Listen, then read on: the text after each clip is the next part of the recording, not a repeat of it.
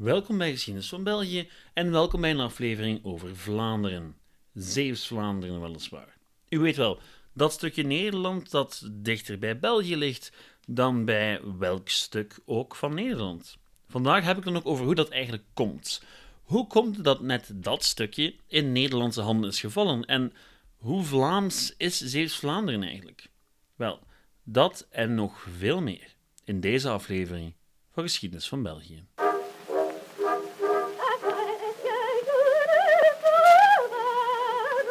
Laat mij beginnen met het Zeeuws-Vlaams volkslied. Enerzijds omdat ik het fantastisch vind, anderzijds omdat het ook de toon zal zetten voor de rest van de aflevering.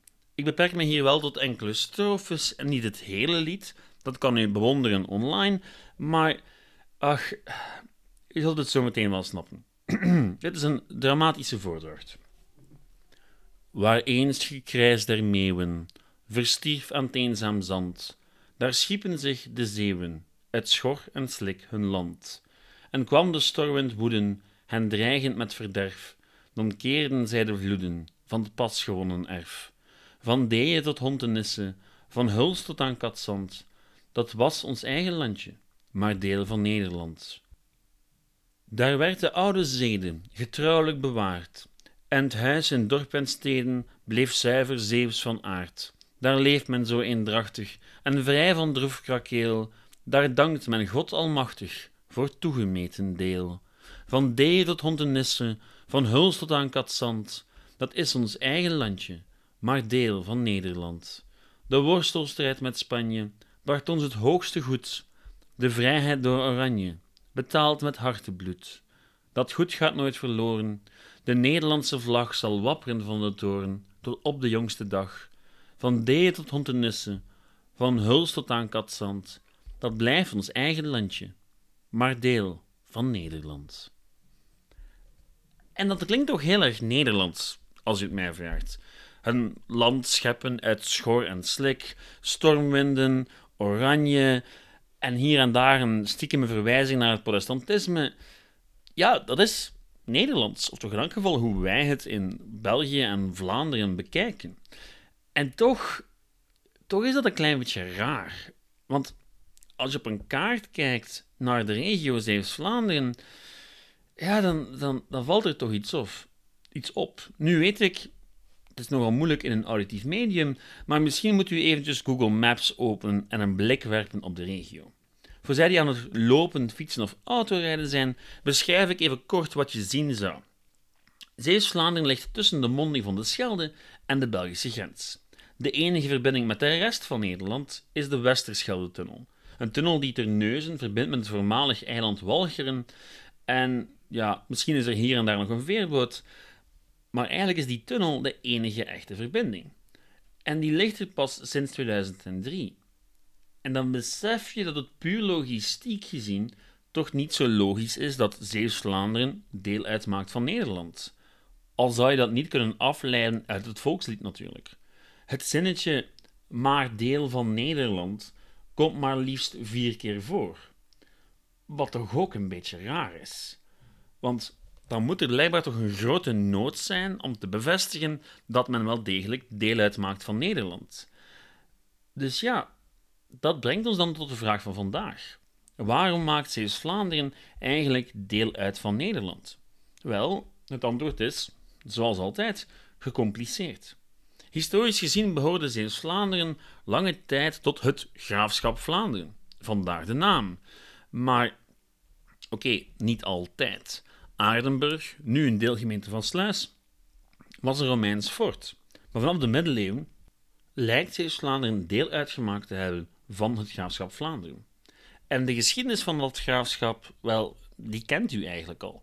Toch zeker als u naar mijn reeks over de Gulden Sporenslag geluisterd hebt, want daar ga ik in veel te veel detail in op de hele voorgeschiedenis van dat graafschap. Nu, in tegenstelling tot Zeeland, de collectie eilanden boven Zeeuws-Vlaanderen, bestond er geen strijd tussen het graafschap Holland en Vlaanderen over wie er nu eigenlijk de baas was.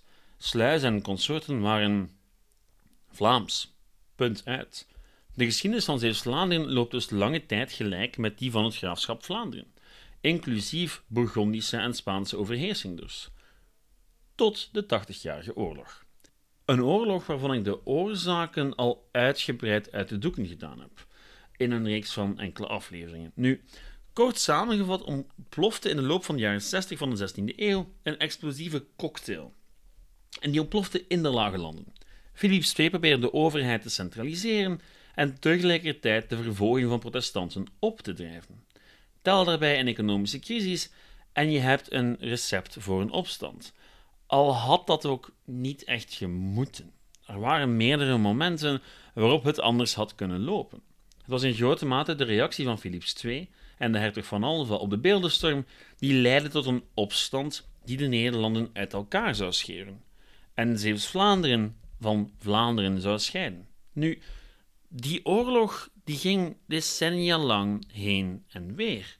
Maar eind de 16e eeuw leek een onafhankelijk Nederland echt een realiteit te gaan worden. Zonder het zuiden weliswaar. Maar geografisch gezien lijkt Zeeuws-Vlaanderen echt wel aan dat zuiden vast te hangen. Fysiek. En nu is dat zeker zo. Als je nu naar een kaart kijkt, ja, dan is er geen enkele echte natuurlijke grens tussen Zeeuws-Vlaanderen en Vlaanderen. Maar rond het jaar 1600 was dat nog lang niet de realiteit. Het Zwin was nog niet volledig dichtgeslept en vormde, vormde dus echt nog een serieuze hindernis. En door het gebruik van overstromingen als militair wapen was een deel van de regio echt wel afgesloten van Vlaanderen. En sommige stukken waren op dat moment simpelweg nog gewoon eilanden. Want ja, dat stukje over Schor en Slik, dat klopt wel degelijk. Net als grote stukken van de Belgische kust en Nederland bestond wat nu Zeeuws-Vlaanderen is eerst uit eilanden. En die eilanden werden als eerste veroverd door de Noordelijken in de loop van de opstand. En ze veroverden eerst die eilanden. En dat is nu het westen van Zeeuws-Vlaanderen.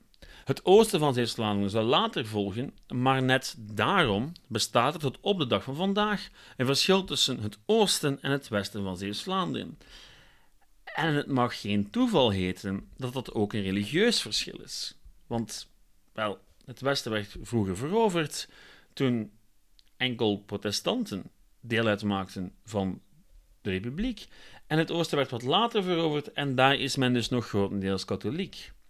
Nu, dat heeft allemaal te maken met instroom van Lutherse en Calvinistische vluchtelingen, die zich daar vestigden als het hen elders in Europa te heet onder de voeten werd. Naarmate de 80-jarige oorlog verder ging, werd de grens tussen het noorden en het zuiden steeds meer vastgelegd. En ze hadden een heleboel versterkingen die grens ook min of meer onwrikbaar maken. En dat Zeeuws-Vlaanderen in de handen van de Nederlanders viel, had ook grote gevolgen voor Antwerpen. Want ja, het verhaal van Zeeuws-Vlaanderen is tot op zekere hoogte ook het verhaal van Antwerpen. Tot op de dag van vandaag.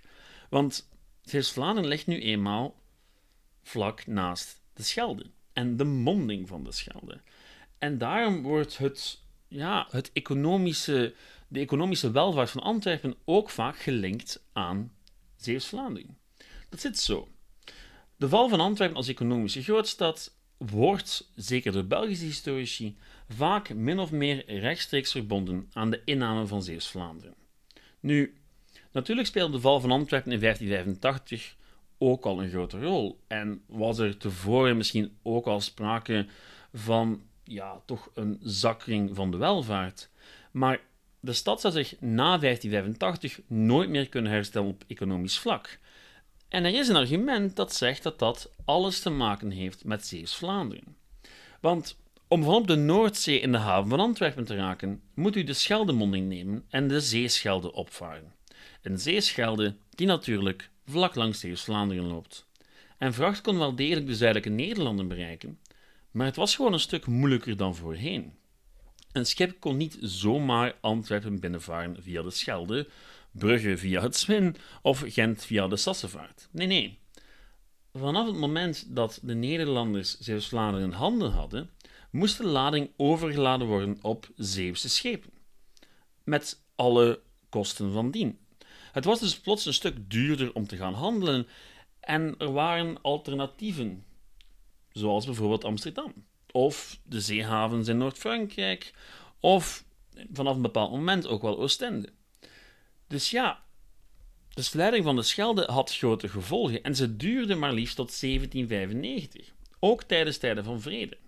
Nu moet ik hier wel een zekere nuance aan toevoegen, want ja, Nederlandse en Belgische historici verschillen hier van mening over de impact van de sluiting.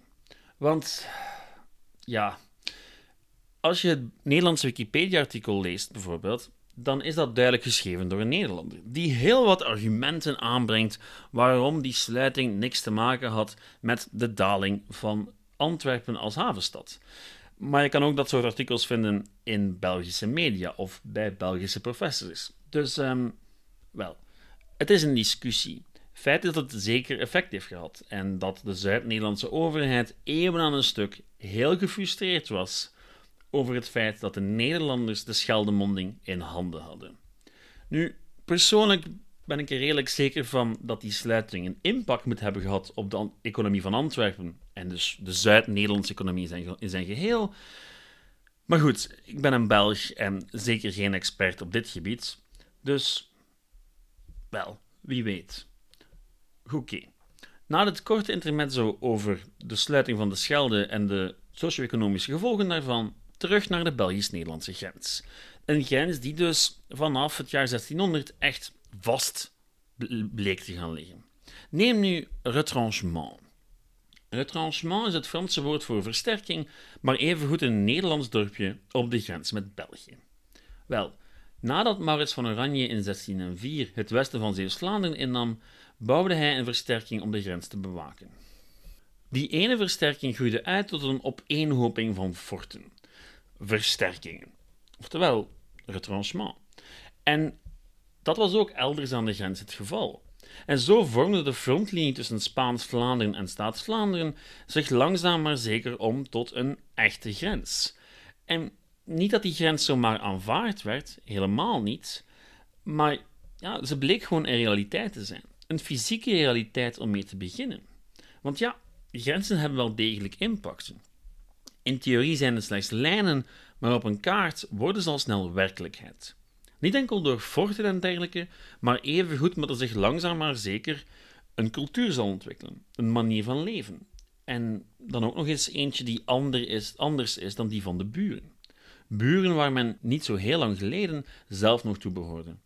En dat is in grote mate natuurlijk ook het verhaal van België en Nederland. De lage landen kwamen samen in opstand, maar verloren de loop van de oorlog de zuidelijke Nederlanden. Een split waar men lange tijd van uitging dat die tijdelijk zou zijn, maar uiteindelijk permanent bleek. Toen in 1815 het Verenigde Koninkrijk der Nederlanden oprees uit de as van het Napoleontische keizerrijk, hoopte men dat de hereniging die historische fout zou goedmaken. Maar uh, ja, niet dus. In 1830 bleek dat Noord en Zuid te ver uit elkaar waren gegroeid om samen te blijven bestaan. Iets waar uiteindelijk iedereen zich bij zou neerleggen.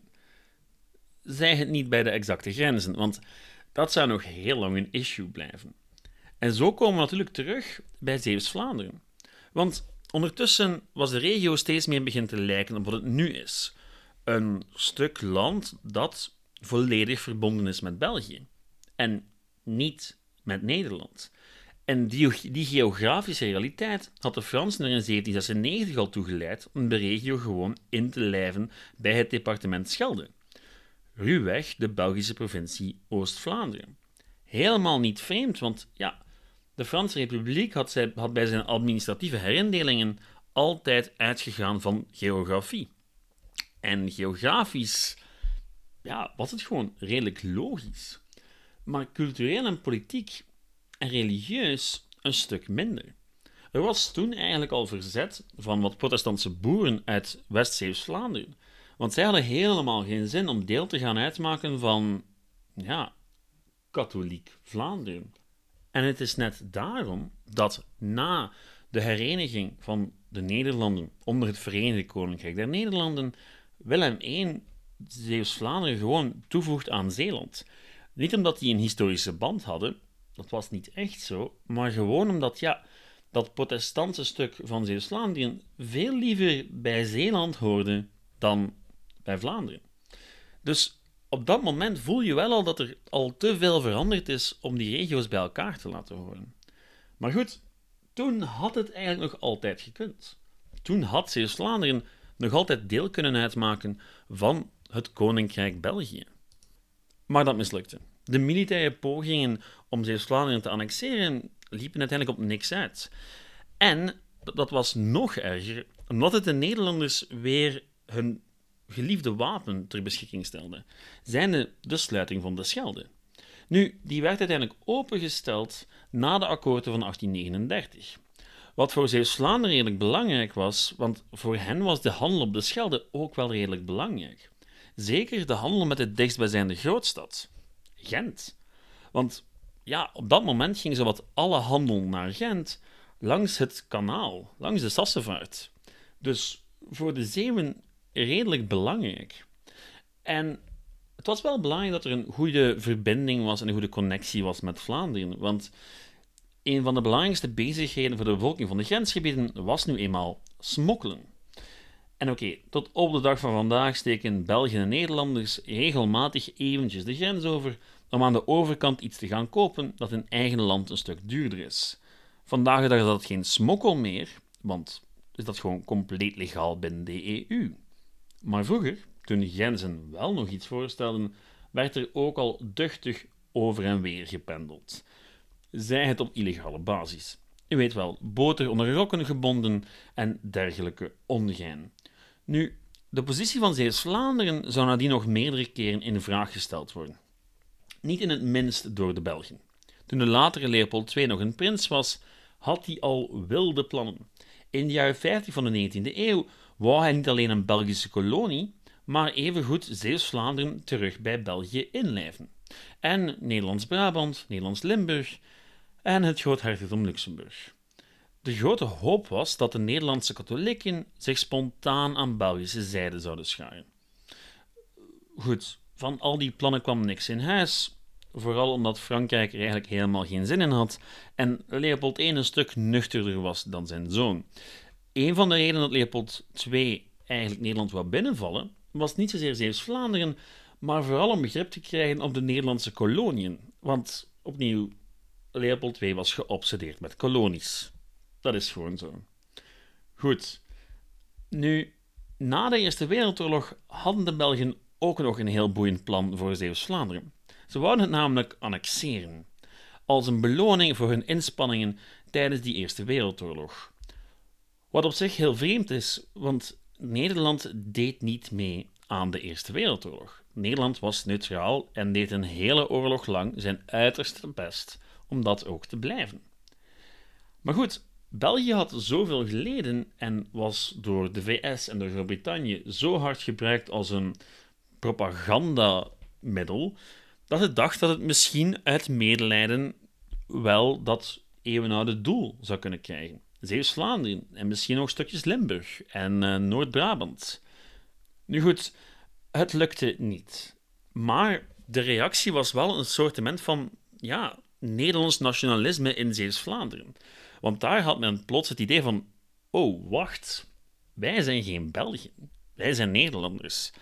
En het is dan ook geen toeval dat net toen dat volkslied gecomponeerd is.